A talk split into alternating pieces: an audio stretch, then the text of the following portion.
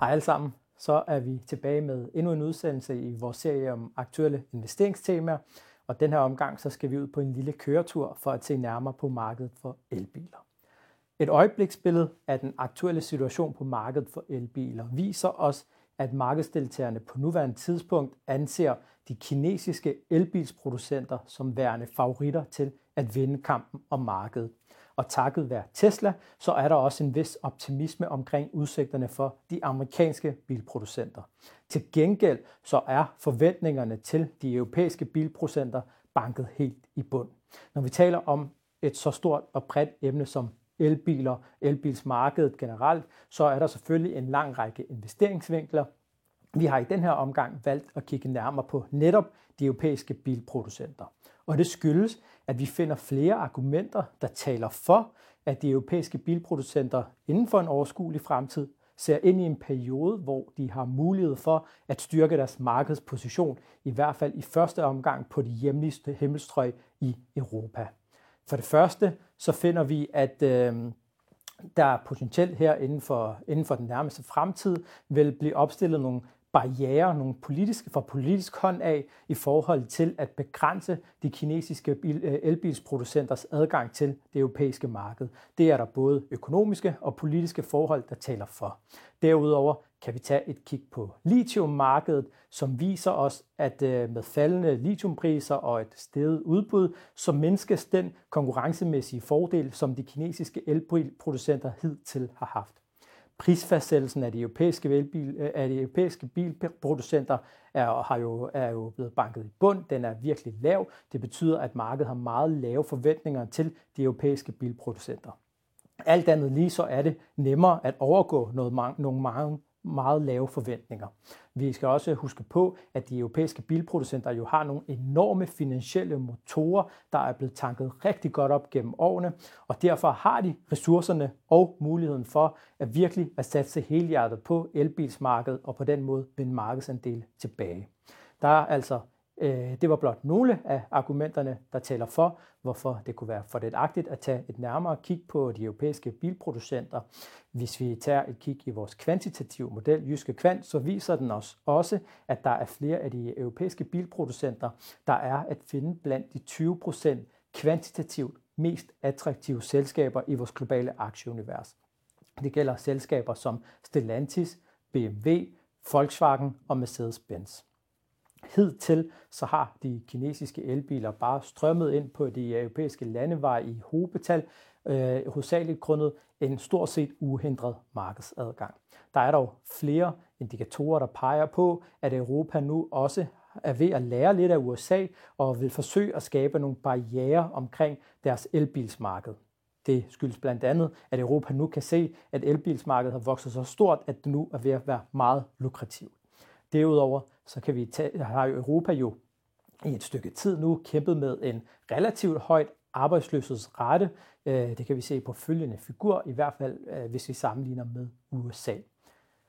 Historien har jo vist os, at øh, øh, bilproducenterne i Europa jo bliver anset som en form for frelser, da de jo har været med til at holde hånden under beskæftigelsen i Europa, og sågar også været med til at få gang i vækstmotoren igen, få gang i beskæftigelsen igen efter nogle svære økonomiske perioder.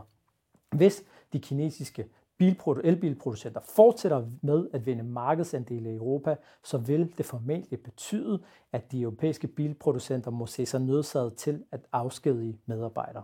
Og det vil virkelig presse billobbyen i Europa, som allerede nu på nuværende tidspunkt er så småt i gang med at arbejde bag kulisserne i forhold til at presse EU, de europæiske myndigheder, i forhold til at få sat nogle barriere op og begrænse de kinesiske elbilsproducenters adgang til det europæiske marked.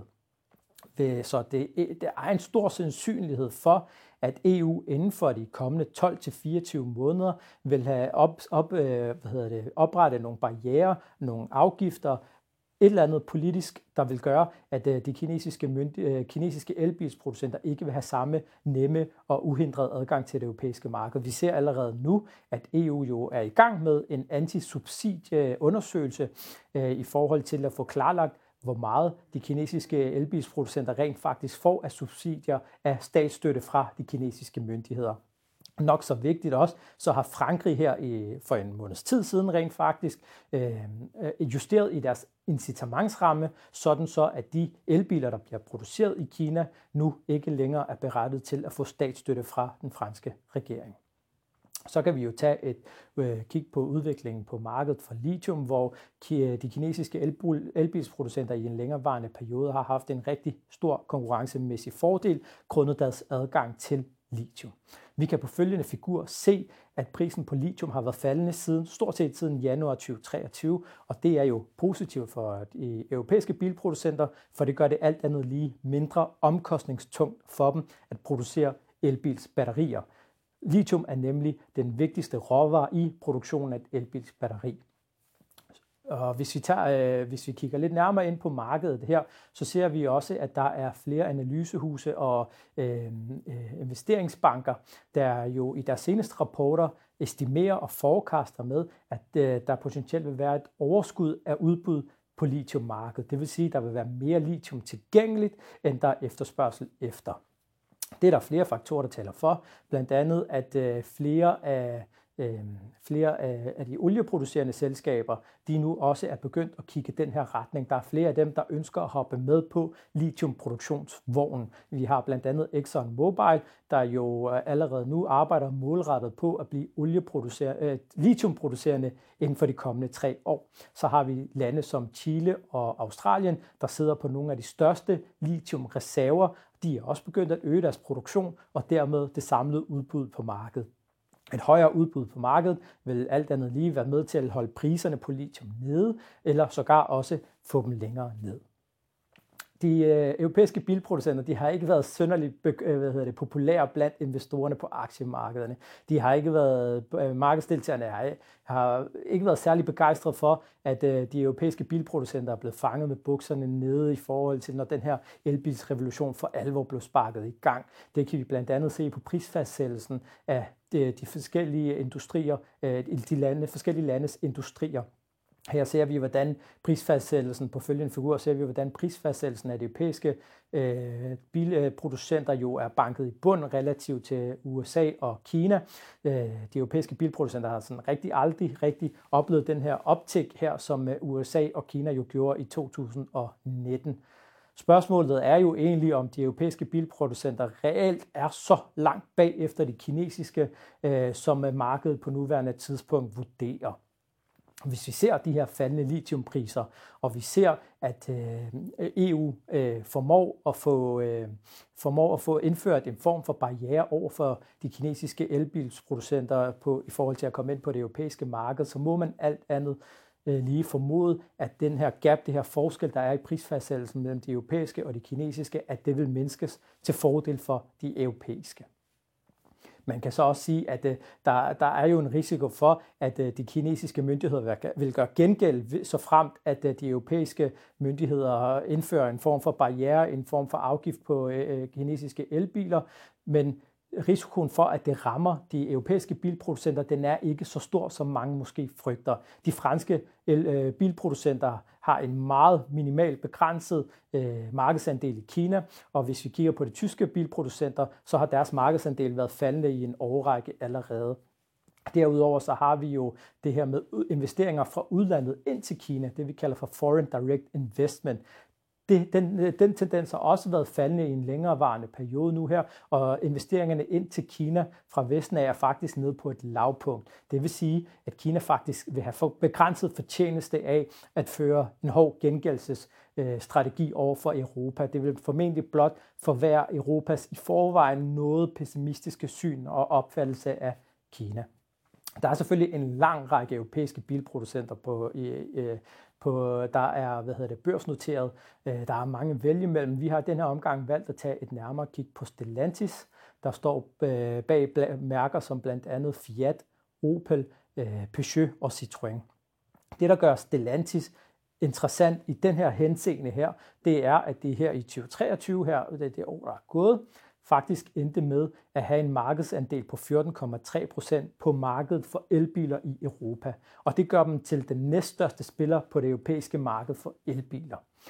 Øh, Stellantis har også øh, øh, i arbejder målrettet på at øh, fordoble deres øh, elbilsmodeller inden udgangen af i år, og det kan de så gøre til lidt billigere penge, da litiumpriserne jo er faldende.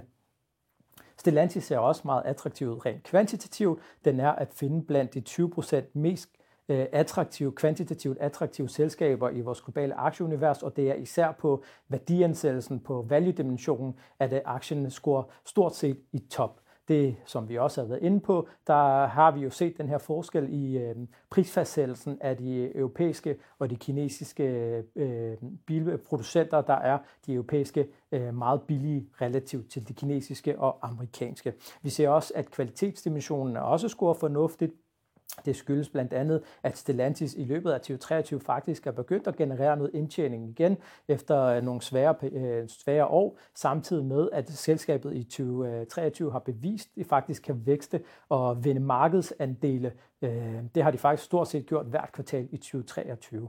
Til gengæld ser vi dog, at, at momentumdimensionen ikke scorer sønderligt prangende. Der har vi en neutral score.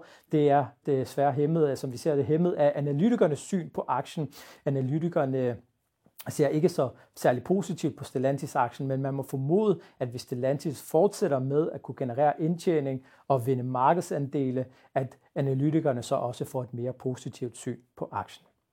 Stellantis er blot et eksempel på et selskab, vi finder attraktivt rent kvantitativt øh, hvis, og, øh, inden for det her space europæiske bilproducenter. Hvis man ønsker at se eksempler på flere aktier til sin portefølje, så kan man klikke på det link, der følger med i den her video.